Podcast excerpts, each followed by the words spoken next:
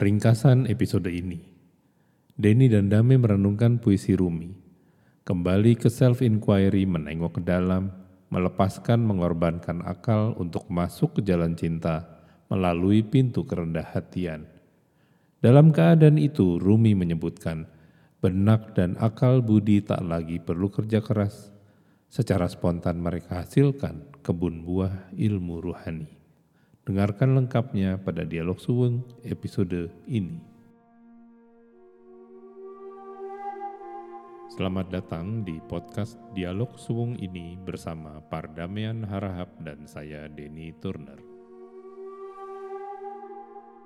Kami berdua adalah sahabat spiritual yang berjalan bersama sejak tahun 2005. Suwung bermakna kosong, sadar berketuhanan, sering dimaknai dengan kata makrifat. Dialog spontan kami lakukan di tiap sesi dengan tema pokok puisi sakral berbagai tradisi.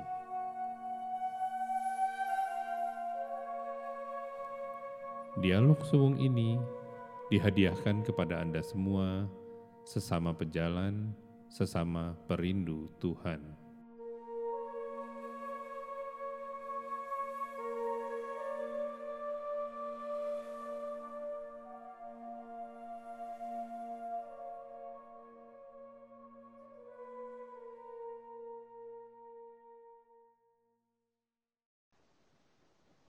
Assalamualaikum. Waalaikumsalam, Bang Dame. Apa kabar? Alhamdulillah. Suara saya jelas nggak, Bang? Jelas, jelas. Jelas ya. Oke.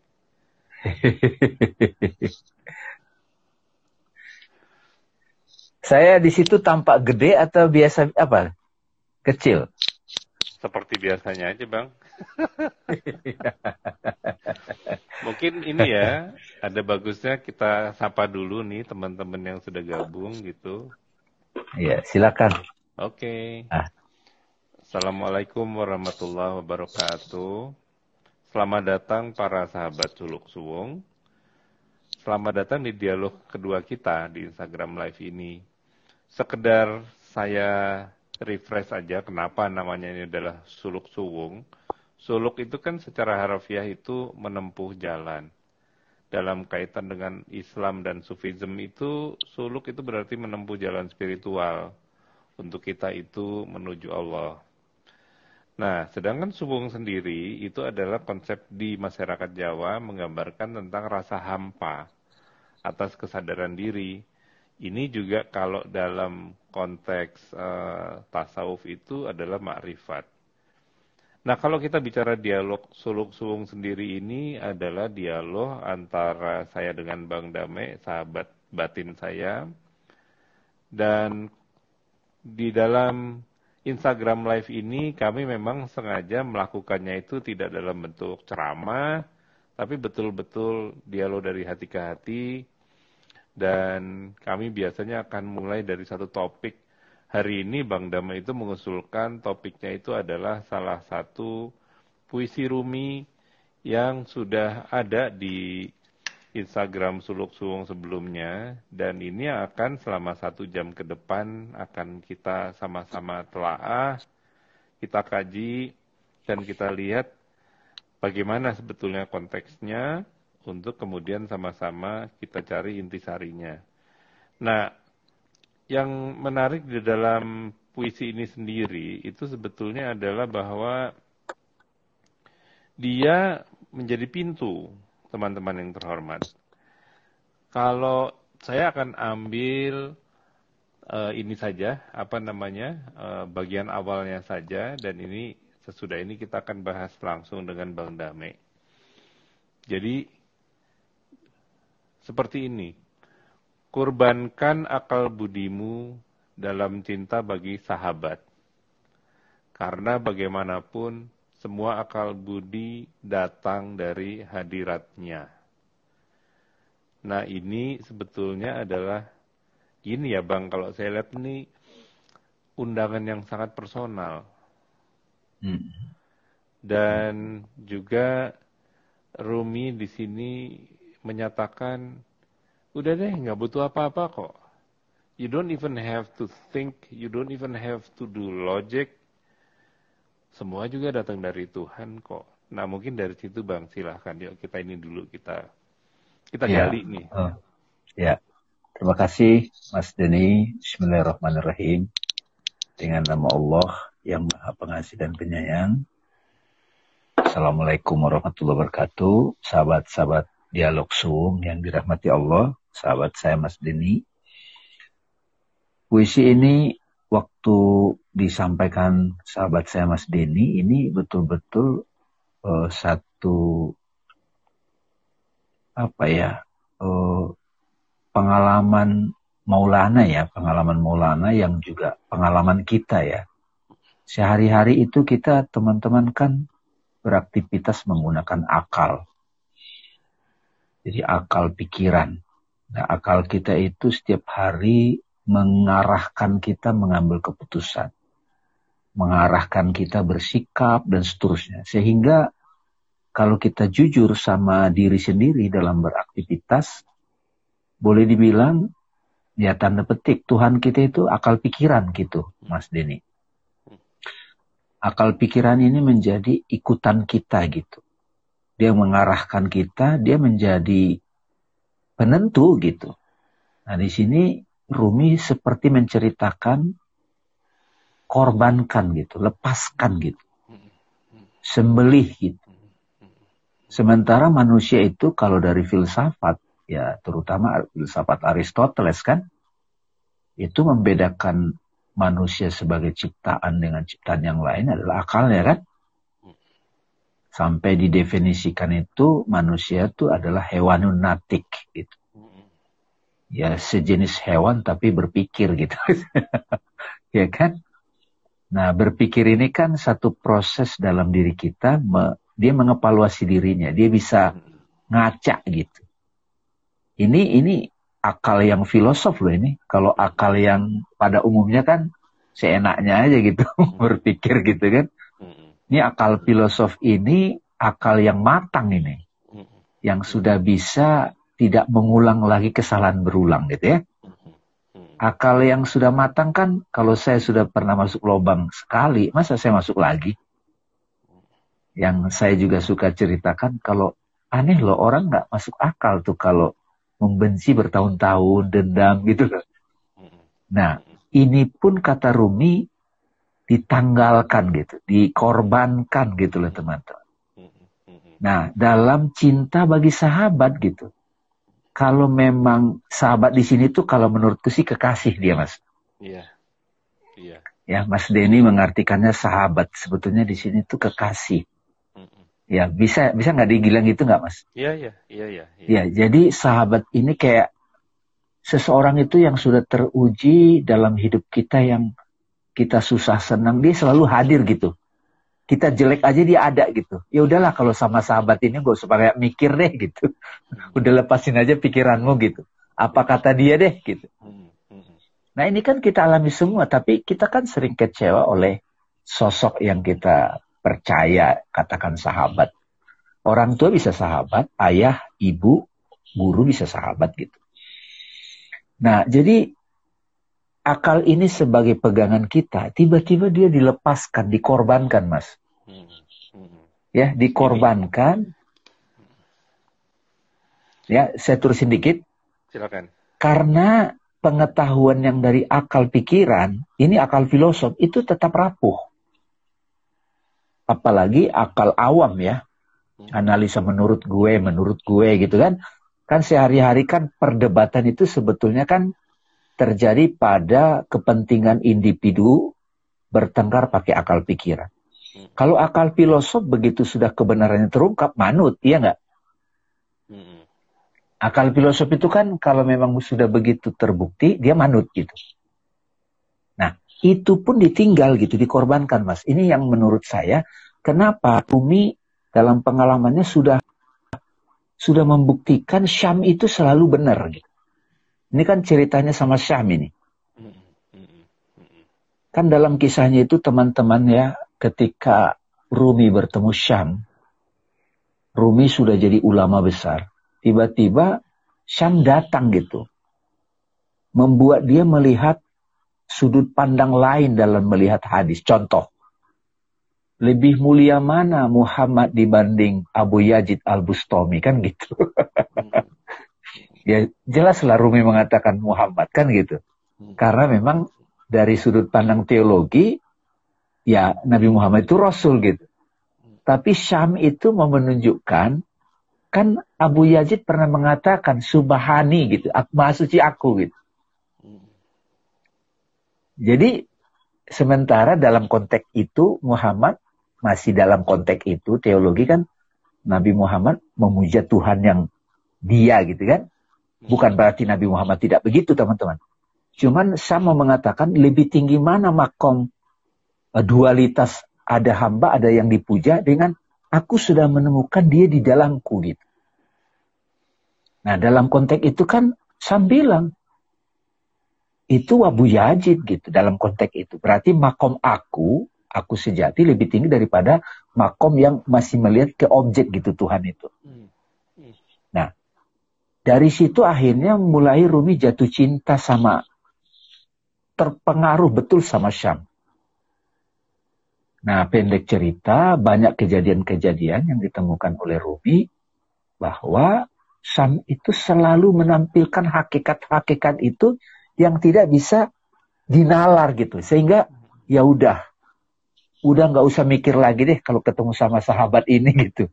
Karena sesungguhnya akal pikiran itu ngerti pun datangnya dari Tuhan gitu, dari sang kekasih gitu. Jadi Ruma mengatakan cinta lebih tinggi daripada akal. Ini saya mau nyambung nih, Bang. Ya. Saya jadi apa namanya? Jadi keinget gitu ya. Bahwa di zamannya ada dua seorang ulama yang sama-sama luar biasa, Imam Ghazali di tradisi Islam dan Santo Thomas Aquinas di tradisi ya. Christianity. Dan dua tokoh ini itu sama-sama dikenal sebagai logician, orang yang nalarnya itu maha bening. Ya. Jadi kesalahan pikir itu udah praktis nggak ada. Nah hmm. secara terpisah, saya baca mereka itu menyatakan hal yang serupa. Hmm. Sebening-bening nalar manusia itu tidak akan mampu mencapai Tuhan. Yes. Itu perlu percikan wahyu. Yes. Nah, ini saya merasakan di bait awal ini itu ajakan Rumi sebetulnya kurbankan akal budimu di dalam cinta bagi sahabat. Kurbankan itu kan akar kata yang sama dengan karib ya. Yeah. Jadi ber berkurban itu kan justru untuk lebih dekat. Yes. Itu, itu yang saya rasakan begitu. Terus ditulis juga karena bagaimanapun semua akal budi datang dari hadiratnya. Ini bagi saya juga tamparan gitu ya, bahwa kan selama kita hidup, selama berkarir sampai dengan hari ini kan kita amat sangat mengandalkan akal budi. Hmm. Nah, yang kita sering lupa, akal budi ini kan sebetulnya adalah tool sarana untuk berhadapan dengan masalah dunia sebetulnya. Adapun yang saya ngerasanya gini, Bang. Correct me if I'm wrong. Pada saat Rumi menyelami ini, beliau itu seperti ingin mengingatkan lagi ke kita gitu ya. Bismillahirrohmanirrohim. Itu kan yang paling sering kita ucapkan kan setiap hari kan itu. Ar-Rahman, Ar-Rahman.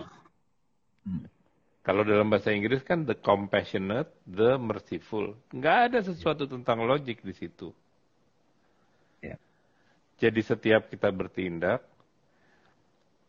bi asma Allah Ar-Rahman, Ar-Rahim. Ya sudah, nggak usah pakai akal budi lagi. Ayo, pintu masuknya adalah melalui Ar-Rahman, Ar-Rahim ini gitu. Jadi tadi yang Bang Damai sebutan itu rasanya apa ya, kena banget gitu loh. Apalagi tadi uh, sejarahnya Rumi, begitu dia ketemu Syams itu dunianya jungkir balik kan.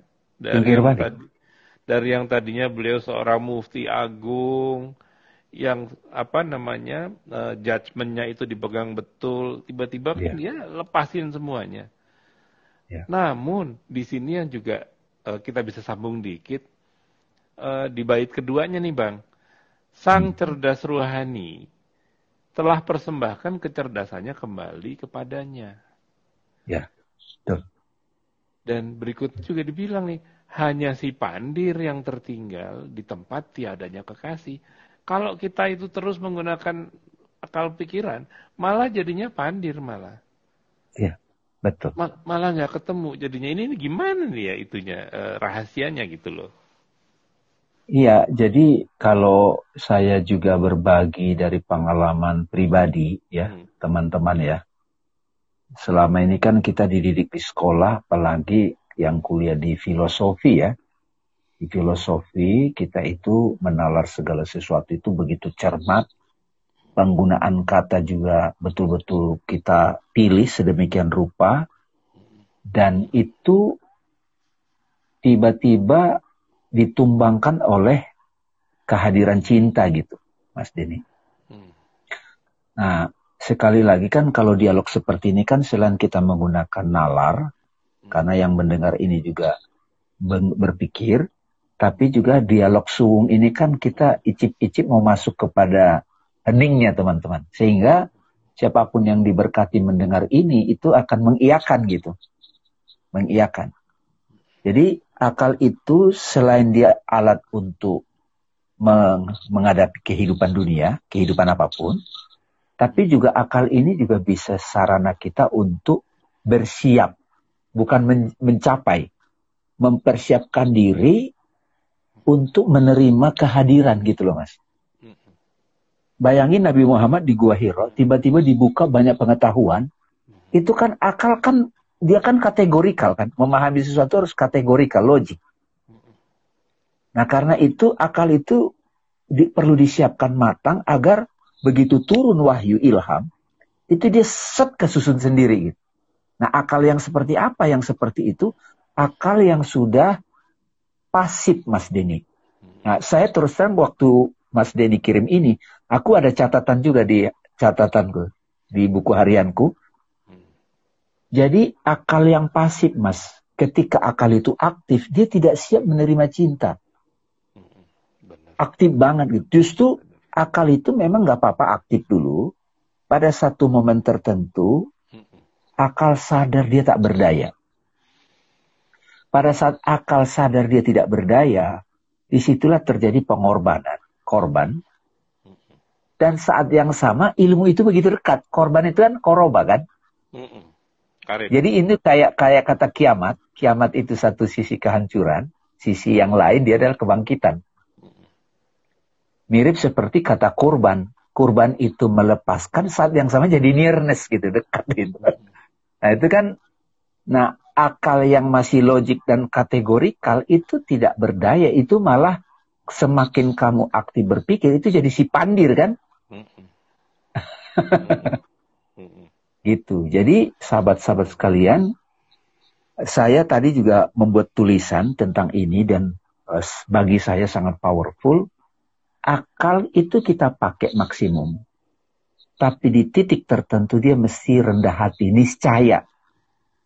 Itu kalau dalam cerita Isra Mi'rajnya Nabi Muhammad, dalam perjalanannya kan ditemani malaikat Jibril.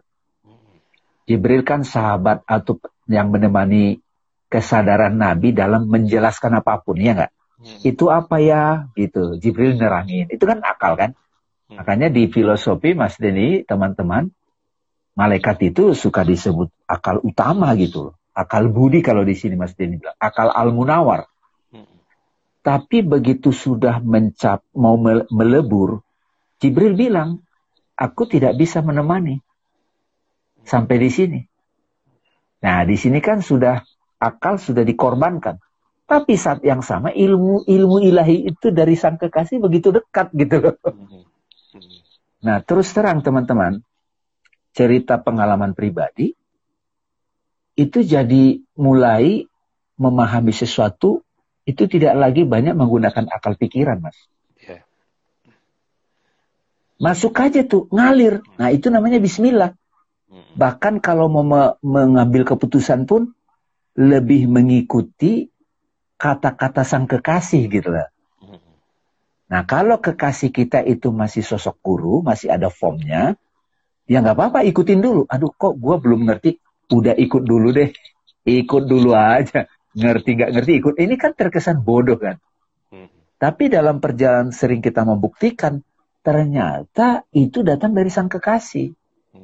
Nah makanya Rumi pun ketika Syam meninggal. Konon menurut kisahnya dibunuh oleh skenario anaknya kan. Yang satu hmm. kan. Awaludi, Aliudin kan. Nah lalu di situlah Sam mulai uh, Rumi menemukan Sam itu tidak pernah pergi. Kalau dalam pemaknaan saya itu Rumi sudah menemukan Syam itu adalah diriku yang universal. Hmm. Jadi kehadiran sosok yang dicinta itu sebetulnya trigger untuk kita melihat diri kita yang sejati. Seperti halnya Arjuna ditemenin Krishna kan? Krishna itu dia mengingatkan ke Arjuna agar Arjuna sadar aku juga ada di dalam dirimu Arjuna. Gitu Mas. Jadi teman-teman sekalian ini luar biasa sebetulnya ini uh, kuat sekali uh, uh, puisi ini dan semoga teman-teman bisa merujuk kepada perjalanan masing-masing. Ini saya mau nyambung dua hal tadi yang Bang Dame nyatakan tentang akal pasif, hening gitu ya. Iya. Yang pertama, saya mau share pengalaman pribadi saya, mungkin 20 tahun lalu lah, waktu itu. Hmm. Saya masih nyantri di Surabaya, almarhum Yai Asrori. Baru lulus doktor kan, jadi akal tuh betul-betul masih Itu saya ingat ya, selama hampir tiga tahun, saya nanya terus ke beliau, tanya terus. Dan beliau tuh nggak pernah bosan dengan sabar tuh jelasin satu-satu. Sampai satu titik, saya dapat heningnya bang. Pada titik itu saya baru ngerti kenapa murid-murid beliau itu kok pada diem aja, nggak banyak nanya. Karena ternyata percakapannya jadi percakapan batin. Bukan lagi akal yang menuntun, tapi seperti Bang Damai bilang tadi itu jadi hening gitu masuk.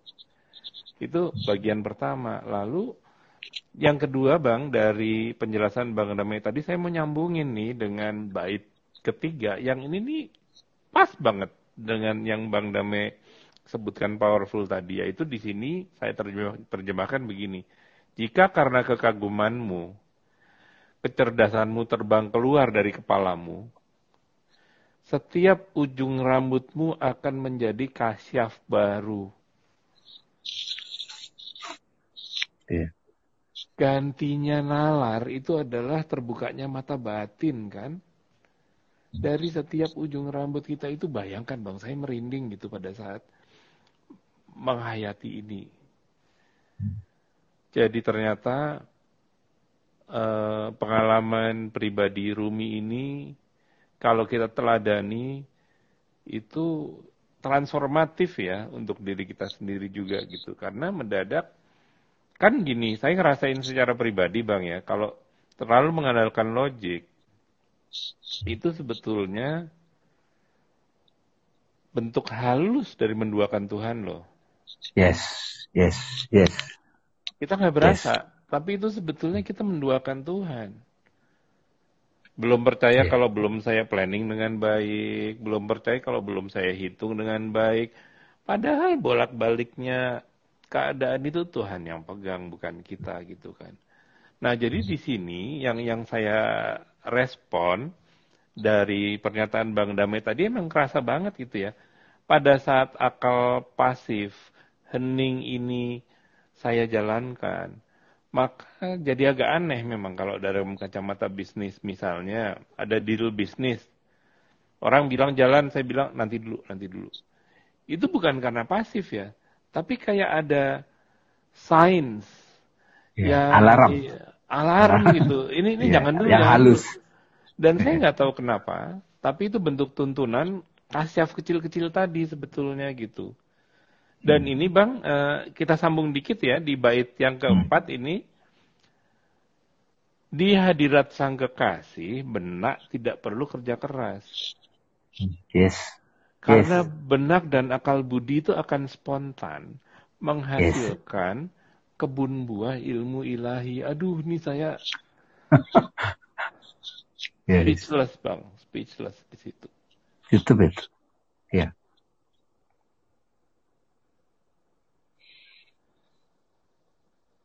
Itu kan yang kita harapkan ya sebetulnya ya. Hidup tertuntun itu kan begitu.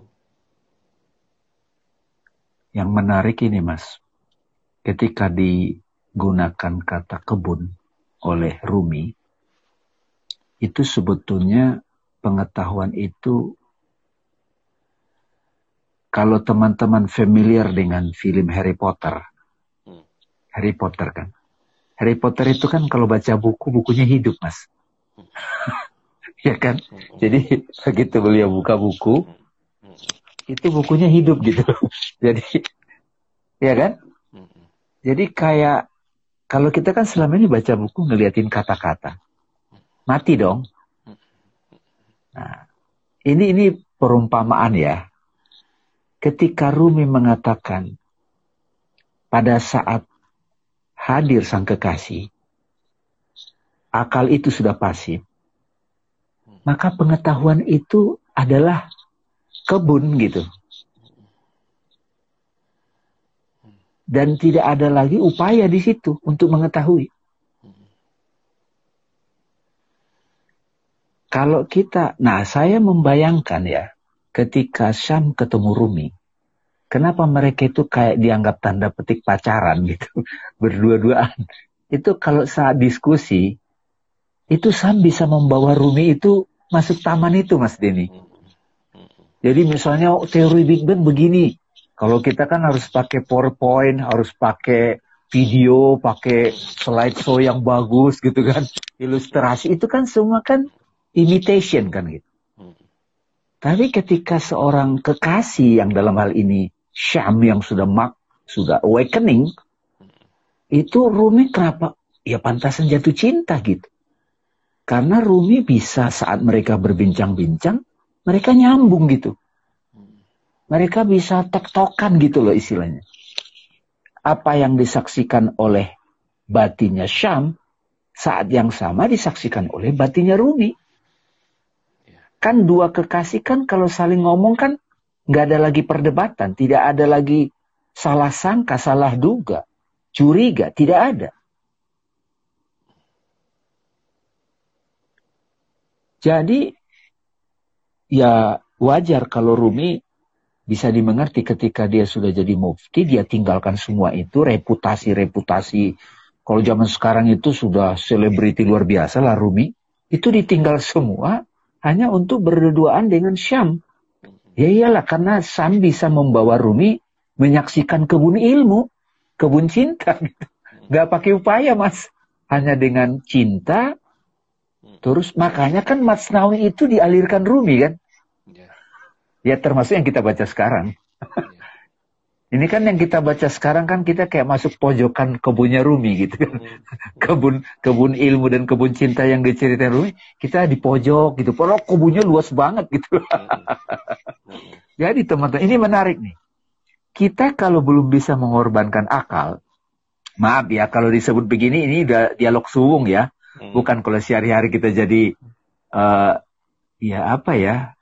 Nah, nggak bernalar bukan gitu ya maksudnya ya. Jadi dialog suung itu kan nah pada waktu uh, masuk kepada dialog suung itu Rumi sama Syam mereka itu ya kalau di Kristen itu namanya perjamuan ilahi mas. Beruntung sekali kalau kita di kehidupan ini diberi kesempatan bisa bersentuhan dengan sosok seperti Syam dalam hidup.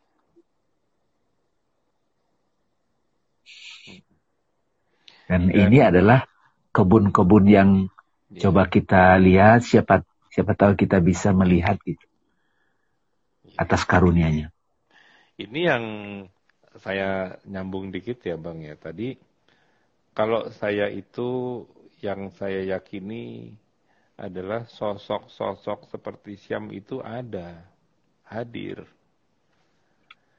Masalahnya sayanya ini jangan-jangan kelewat berisik sendiri. Ya, ya, ya. ya. Jadi lewat aja gitu. Itu yang saya maksud mas sedikit. Kalau belum mengorbankan akal.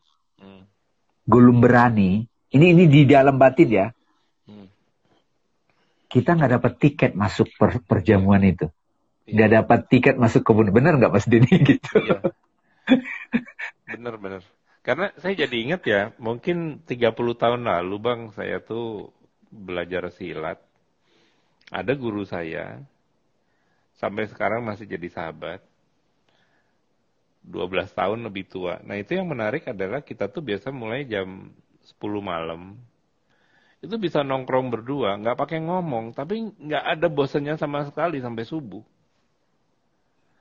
Jadi sepertinya percakapan yang sangat banyak, dahsyat, padahal cuma duduk berdua diem gitu, nggak ngobrol nggak. Tapi nggak pernah itu, bosan.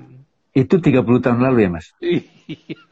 Kok kok bisa nyasar ke mana gitu kayak, kayak ini sih. gitu.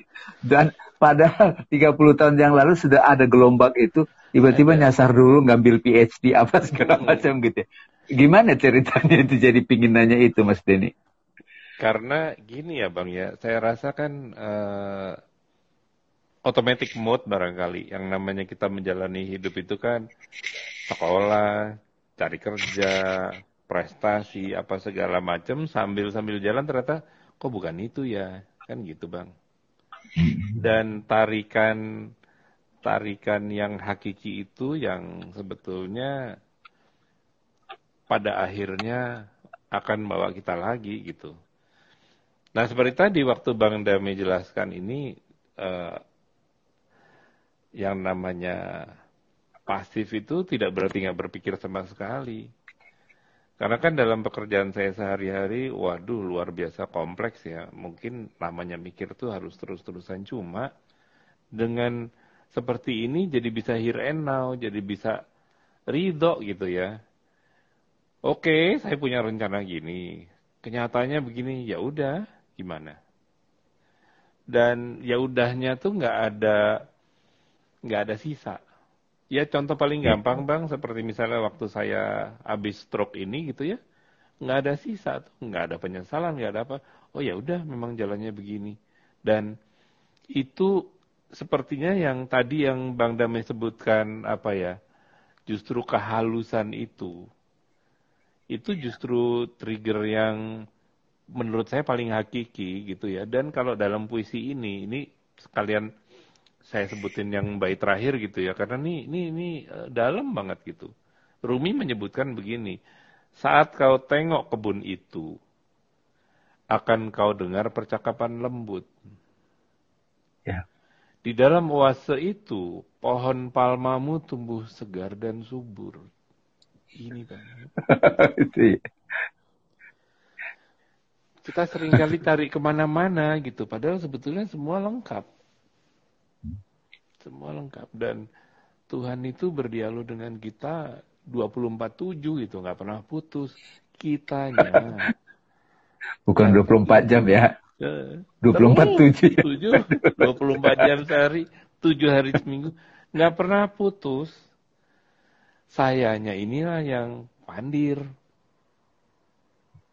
Karena mungkin ya kita ini semua bisa dibilang produk dari pendidikan modern pendidikan modern itu kan dimulai pada saat apa Renaissance. Rene Descartes itu kan bilang I think therefore I am.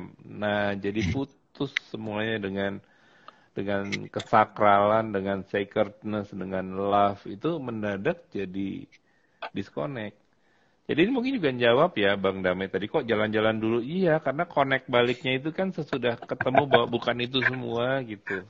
30 tahun mas gitu. Iya. iya, iya, iya. Bukan itu gitu.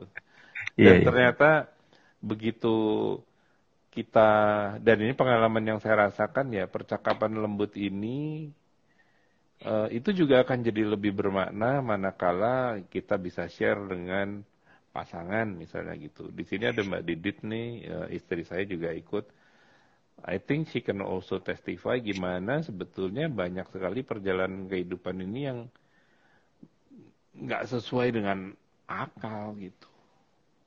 Ya. banyak sekali yang terbukanya demikian begitu aja dan istilahnya gini ya saya planning A loh kok nolnya B yang B saya kejar munculnya lain lagi ya udahlah ikut aja deh tapi keberanian nah, untuk ikut ya. ini wah itu itu itu itu Mas Denny jadi teman-teman yang mendengarkan dialog sore ini itu mudah-mudahan kembali ke self inquiry menengok ke dalam, menyelidiki, supaya ini ada semacam panduan buat kita bersama. Melepaskan, mengorbankan akal itu butuh keberanian. Mesti ada, kadang-kadang kalau istilahnya Ibnu Sina itu, seorang arif itu pemberani. Nah, harus ada sedikit nekat Mas Dini kadang-kadang. Hmm. ada double gitu. Jadi jangan takut salah. Jangan takut kalau kita misalnya tidak pakai rencana itu tiba-tiba kita kayak segala-galanya kayak kiamat itu hancur gitu. Nah baru nanti diperiksa kembali ternyata kalau tiba-tiba aku nyebur ke lautan ke kepasrahan itu berserah kepada dia ternyata kesusun kok gitu. Mas Denny kan tadi cerita dan saya juga punya cerita banyak dalam hidup saya. Itu kok dia tertuntun kok mas.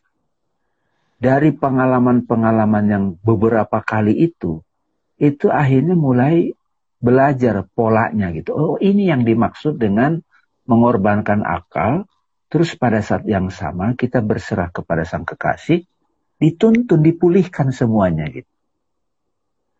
Akhirnya kita diajak menyaksikan pembicaraan-pembicaraan lembut itu, Mas. Nah, sekarang misalnya, Mas, kalau kita kembali kepada cara-cara kita mengajar zaman jadi motivator, udah nggak kita pakai lagi kan? Masih mau nggak nggak lagi kan gitu. Bahkan kadang-kadang Mas, misalnya nih saya ber, bersimulasi pikiran, kita kan 2006 dulu ngajar bareng. Misalnya 2021 ini kita ngajar lagi kan kayaknya kita hadir aja deh gitu kan gitu. Mm -hmm. hadir aja di situ duduk gitu kan berdua aja gitu kan -hmm. ya enggak apa aja yang keluar kan nggak usah pakai powerpoint nggak usah pakai ini hadir aja di situ saya bayangin gitu mas gitu. ini ini menarik ya bang ya menarik yang, kan? yang, yang barusan bang Damai bilang itu adalah kalau kita sekarang itu mengajar kita tidak akan intervensi kayak hmm, dulu. Yes, yes. Ya kan, hadir aja hadir. Nah, uh, yang saya renungkan dari Bang Damai barusan adalah bahwa sering kali kita itu mengintervensi diri sendiri kecepatan. Belum memaknai rahmat Tuhan sepenuhnya, kita udah ambil shortcut menurut kita karena nggak ada action apa-apa, nggak ada hasil apa-apa, padahal bekerjanya Tuhan tuh nggak begitu. Percakapan lembut ini kan butuh waktu ya. Yeah. Dan betul-betul keberanian ini teman-teman ya, keberanian untuk meletakkan akal pikir ini ini, ini sangat menakutkan sebetulnya. Sangat menakutkan beneran. Ya. ya. Apalagi kita ditempa dalam alam di mana dianggapnya semua harus sebab akibat. Lah kalau yang kita bahas berdua ini, kita bicara udah synchronicity, bukan sebab akibat lagi. Dan juga bukan jika maka lagi. Karena pada saat kita bicara dalam kondisi cinta kasih ini, bekerjanya tidak lagi if then tapi simultan gitu ya. Gimana yang jelasinya bang? Karena yang saya rasain gitu gitu. Nah itu mas Denny yang tadi saya biar teman-teman itu merasakan apa yang kita dialogkan ini juga bisa dirasakan juga sama sahabat-sahabat di sini. Ini ada beberapa ka kalimat juga nih dari teman-teman komen nih Mas Denny. Monggo silahkan. Siapa nih? Ibu Dindi ya, dari kemarin-kemarin ketemu Bang Dame banyak banget yang saya mau tanyakan, tapi dengan banyak pengarahan-pengarahan, penjabaran dari abang, akhirnya ku hanya bisa senyum. Ah, ya, ya, ya, ya, ya. Ya ini uh, teman-teman sekalian, saya dengan Mas Denny itu kita ya, ada Mbak Didi juga kita suka ngobrol-ngobrol lama, tau-tau udah empat jam. Itu ngobrol-ngobrol begini gitu. Biasanya saya bilang rekam gitu. Karena saat perbincangan-perbincangan itu suka datang tuh, suka datang yang yang kita tidak terpikir. Nah, begitu kita dengar ulang itu kita sendiri senyum-senyum, Mbak. Gitu. Nah, alhamdulillah kita bisa sekarang uh, dengan teknologi dan kita juga menyesuaikan diri, kita bisa lakukan ini di Instagram. Ya. Mudah-mudahan teman-teman di sini juga ikut menikmati gitu perbincangan ini. Kembali ke yang tadi, Mas. Kenapa saya bilang gitu? Ini supaya kita kan sebetulnya bisa ke masa lalu, Mas. Kalau modern mind itu selalu menganggap harus ada mesin waktu. Tapi kalau sebetulnya kita lihat dari sisi what is reality, sebenarnya real itu kesadaran, kesadaran bisa ke mana aja kan? Jadi kalau teman-teman bisa lihat foto zaman SMA, itu secara otomatis langsung terbayang di ruang batin kita peristiwa itu. Ya kan? Apalagi peristiwa di dalam apa yang ada di foto itu ada yang sifatnya sangat signifikan gitu. Itu langsung tergambar kayak ada video klipnya gitu. Nah, itu kan kesadaran menyaksikan imaginal reality di memori kan gitu.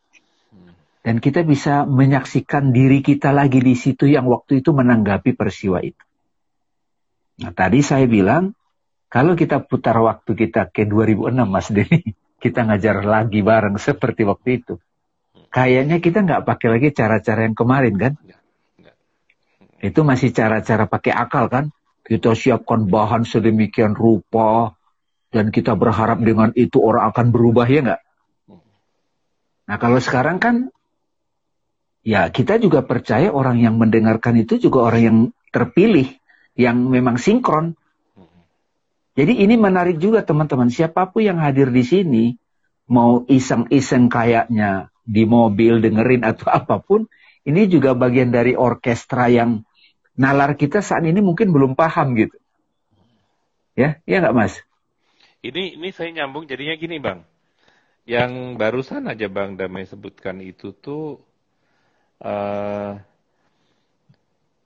cinta kasih ini pintunya adalah melalui kerendah hatian. Karena tadi kan Bang Dame bilang, kalau misalnya kita sekarang ngajar lagi, tentu nggak akan nyiapin kayak dulu. Iya, karena saya ngelihatnya bukan cuma ngajar nih, contohnya parenting gitu ya. Hmm. Cara saya parenting sekarang juga udah beda banget. Kalau dulu itu pengennya ngarahin aja. Kamu gini ya, gini ya, gini ya. Kalau sekarang tuh justru dengan kerendah hatian, oh ini anak sebetulnya punya kemampuan ini, potensi ini. Jadi kita malah banyak ngeliatin. Itulah dan, cinta kasih ya. Iya dan belajar, justru Itu, belajar. Iya, iya, iya, iya. Makanya tadi di depan saya bilang teman-teman ya, dialog kita berdua ini sama sekali bukan bermaksud mengajarkan, enggak ya, udah kita ngobrol aja karena justru dari teman-teman yang hadir kita juga belajar. Energi dari teman-teman itu meaningful banget buat kami berdua gitu. Karena keheningan ini justru yang uh, sekarang ini kita sulit dapatkan. Ya. Kan dengan bombardment dari sosial media, informasi segala macam, itu kita ya tanpa sadar. Setiap detiknya itu harus melakukan penyaringan terus. Jadi otak kita ini, akal budi kita ini luar biasa capek sebetulnya untuk melakukan seleksi-seleksi. Pilih-pilih, sortir-sortir, buang-buang. Sementara tadi Maulana Rumi itu menjelaskan di salah satu baitnya itu kan, di hadirat sang kekasih benak tidak perlu kerja keras. Iya. dan ini jaminan dari beliau gini loh, benak dan akal budi itu spontan menghasilkan kebun buah kurang kurang indah apa lagi gitu kan. Iya iya, betul betul. Itu betul itu. Kita itu benar itu. gitu. Mas Denny itu benar itu, sahabat-sahabat sekali itu benar itu. Jadi benak itu nggak perlu kerja keras, disuguhkan semua. Malah kita yang ya tanda petik kalau bahasa individunya kewalahan saking kebanjiran buah. Gitu. Iya, benar, benar. Itu kadang-kadang saya pribadi kadang kayak, wah ini dapat ini lagi, dapat ini lagi. Kayak bayangin kita kak, kalau kita kan mas ke toko buku yang bagus-bagus bukunya, oh, mau buku yang mana ini, saking banyaknya. Kalau ini mungkin orang yang ke galeri lukisan, semuanya bagus lukisannya. Mau yang mana dulu nih yang aku perhatiin? Mau yang mana dulu nih aku perhatiin? Karena semua berlimpah. Coba mas diulang lagi kalimatnya tadi. Ya. Bagus banget. Di hadirat sang kekasih, benak tidak perlu kerja keras. Karena benak dan akal budi akan spontan hasilkan kebun buah ilmu ruhani. Ini loh teman-teman, ini yang saya rasakan sungguh bahwa begitu kita itu humble, rendah hati, itu kewalahan. Dan yang ada itu akhirnya bukan lagi berpikir how to, how to, how to, tapi overwhelm ya, kebanjiran gitu. Ya Allah, sebegini banyaknya. Yang tadinya itu buntu gitu, ya Allah jalannya ternyata banyak banget.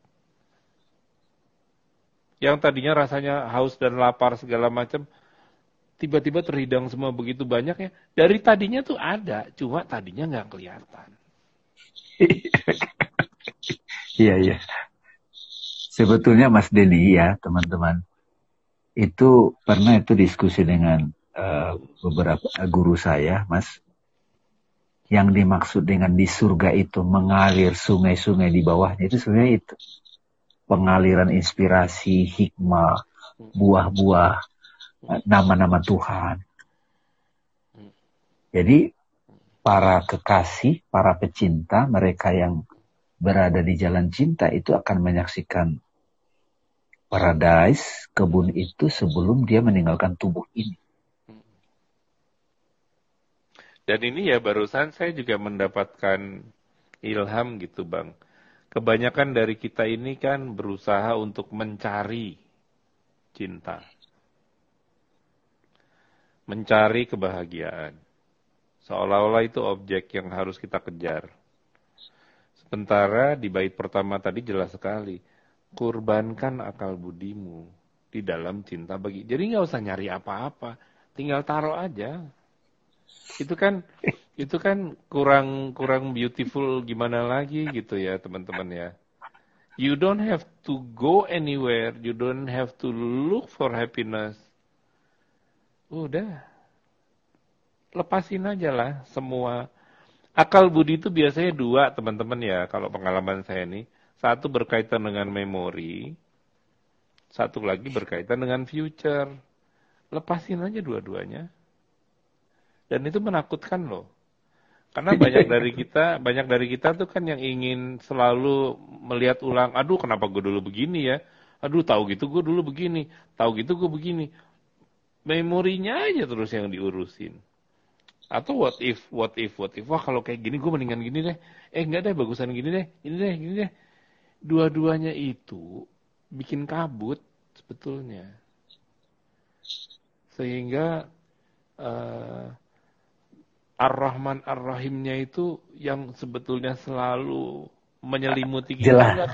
Iya hilang jadinya gitu. Ter tertutup gitu, terhijab hmm. gitu. Makanya kasyaf itu sebetulnya itu kan. Kita di, disingkapkan dari tadinya juga di situ. Sepanjang hidup kita tuh di situ. Cuma kitanya aja sendiri ribet gitu. Betul. Nah ini yang ini yang apa ya bang? Uh,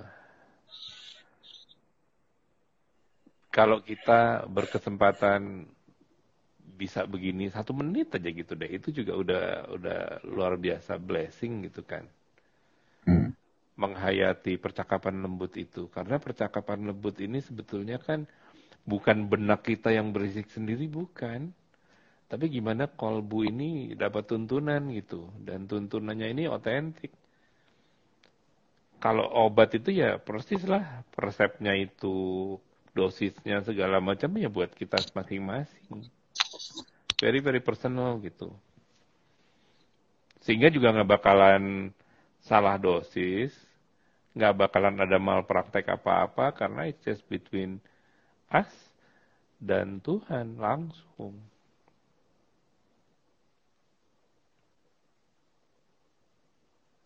Ini enaknya sebetulnya sambil ngopi ya bang ya. Iya. Ada pisang goreng kan? Ada pisang goreng, sekali-sekali kita mainkan gitar gitu ya. Iya, iya benar. Mas Denny main flute gitu kan. udah jago belum pianonya? Sekarang tangan kanan udah lumayan, tapi dibilang jago masih belum balik kayak dulu lah. Hmm, tahu tahu diri, tahu diri gitu. Yang penting kalau sekarang kanan ini dipakai aja otaknya masih aduh capek gitu ya udah gitu. Ini ada ada komentar ya dari apa dari teman-teman di sini. Setuju lepasin aja semakin dikejar semakin jauh. Iya, dan juga lemesin aja kali ya dengan sadar. Iya. Sadar inilah justru yang sering kali kita nggak sadar gitu ya. Hmm. Dan yang bikin kalau saya sih yang bikin nggak nggak sadar itu ego saya sendiri gitu. Dan ya. ego ini triggernya tuh kalau yang saya rasain baru aja kemarin gitu saya ngobrol sama Didit istri saya karena saya agak keras ke anak kita yang perempuan for the wrong reason. Ternyata apa yang selama ini saya hayati sebagai saya sebagai ayah harus begini. Nggak gitu juga. Nah kan butuh kesadarannya untuk untuk membuka diri gitu. Dan ini yang apa mungkin jadi berlawanan dengan macam-macam teori motivasional atau leadership gitu ya. Karena justru malah tunduk aja deh merunduk aja gitu. Saya punya punya cara menggambarkan itu gini mas mas Denny dan teman-teman jadi kalau diundang uh, diskusi di satu tempat, namanya kajian atau private discussion atau training, itu saya selalu mulai dengan memberi satu perspektif. Ini sebetulnya diskusi adalah suluk gitu mas. Makanya dialog suluk ini itu mas, suluk suwungin. Karena orang kalau sudah dikasih di awal perspektif suluk, ego kayak mati kutu gitu. Nggak diizinkan masuk. Nggak diizinkan masuk. Karena kalau dia masuk, nggak ada gunanya dia di situ. Nggak akan bisa ngerti dia. Ya. Mirip seperti ritual Islam, rukun Islam kelima haji, yang nggak sah kalau kita nggak pakai ihram. Nggak sah dan itu bagus tuh hukum fikih begitu. Dan jalannya juga nggak boleh. Kan dialog ini kan perjalananmu masih anti clock. Jam itu kan kayak kita mau keluar kan. Masih putarannya keluar kan jam. Kalau anti clock kan ke dalam mas. Ke center kan. Makin ke dalam. Dan mereka yang bersedia meninggalkan baju luarnya ganti pakaian ego. Baju ego ganti pakaian humility, kerendahan hati. Itu mereka yang rindu. Mereka yang menjawab panggilan. Kan setiap saat kita dipanggil Tuhan. Simbol formalnya ya panggilan haji kan. Diundang loh. Invitation. Tapi tidak semua menyatakan labbaik Allahumma labbaik, Mas. Yeah. Labbaik Allahumma labbaik, labbaik la syarika laka labbaik. Aku datang memenuhi panggilanmu, wahai sang kekasih. Tidak ada lagi sekutu bagimu. Aku nggak campur-campur lagi. Aku nggak masukkan lagi planning-planningku, rencanaku lagi. Aku ikut aja panggilan. Inilah aku datang memenuhi panggilan. Nah, yang menarik lagi di sana kita harus menyembelih kan? Hijr Ismail kita. ya kan? Begitu kita sudah hijr Ismail kan kita sembelih itu kan? Attachment terbesar. Kalau di dialog ini attachment terbesar akal pikiran kan? Baru kita makom Ibrahim, makom kesatuan. Baru kita masuk Hajarul Aswad, rahim ibu. Kan Hajarul Aswad itu kan rahim, Mas. Ru, liang rahim kan? Nah, tiga ini kan simbol. Ini bukankah satu ajaran yang sangat terbuka sebetulnya? Jadi boleh dibilang dialog suwung ini adalah dialog kita untuk memenuhi panggilan tadi. Jadi tidak tidak sah kalau pakai kalau nggak pakai ihram. Jadi gitu mas. Jadi kalau diundang ke satu tempat, ya makanya kadang-kadang kalau dia mengajak ketemu, wah ini siap-siap harus pakai ihram gitu. Kalau pakai ihram berarti pembicaranya jujur nggak ada tricky gitu loh, nggak ada cheating gitu. Bertanyanya ya bertanya jujur, bukan bertanya menguji, bukan bertanya uh, ngetes gitu. Nggak nggak masuk tuh yang begitu. Ini bang, ini karena waktunya tinggal tiga menit. Tiga ya. menit, iya nah, iya betul. Saya saya mau izin bungkus. Silakan silakan. Iya. Kal kalimat Bang Dame tadi yang terakhir itu akan saya pakai untuk jadi renungan saya pribadi gitu kan uh, labbaik Allahumma labbaik labbaik la syarika laka labbaik innal hamda innal hamda wa ni'mata wa nikmata laka wal mulk la la syarika lak itu disebut dua kali loh sampai paling belakang la syarika lak itu ya. artinya kalau kita bersekutu dengan akal budi kita ya taruh deh ya saya datang kepadamu ya Allah. Udah gue gak pakai lagi nih. Ya. Ya. Dan mudah-mudahan ya. teman-teman kita sama-sama bisa dapat hikmah dari diskusi kita hari ini. Insya Allah kita akan nyambung lagi minggu depan. Terima kasih banyak untuk sahabat-sahabat suluk suwung yang sudah sudi untuk mampir ke sini. Terima kasih banyak waktunya. Kami dan saya dan Bang Damai undur diri dulu. Billahi taufik wal hidayah. Assalamualaikum warahmatullahi wabarakatuh. Waalaikumsalam. Thank you.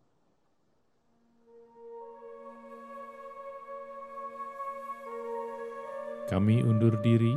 Semoga dialog suung episode ini tersampaikan dengan baik dan menjadi kebaikan.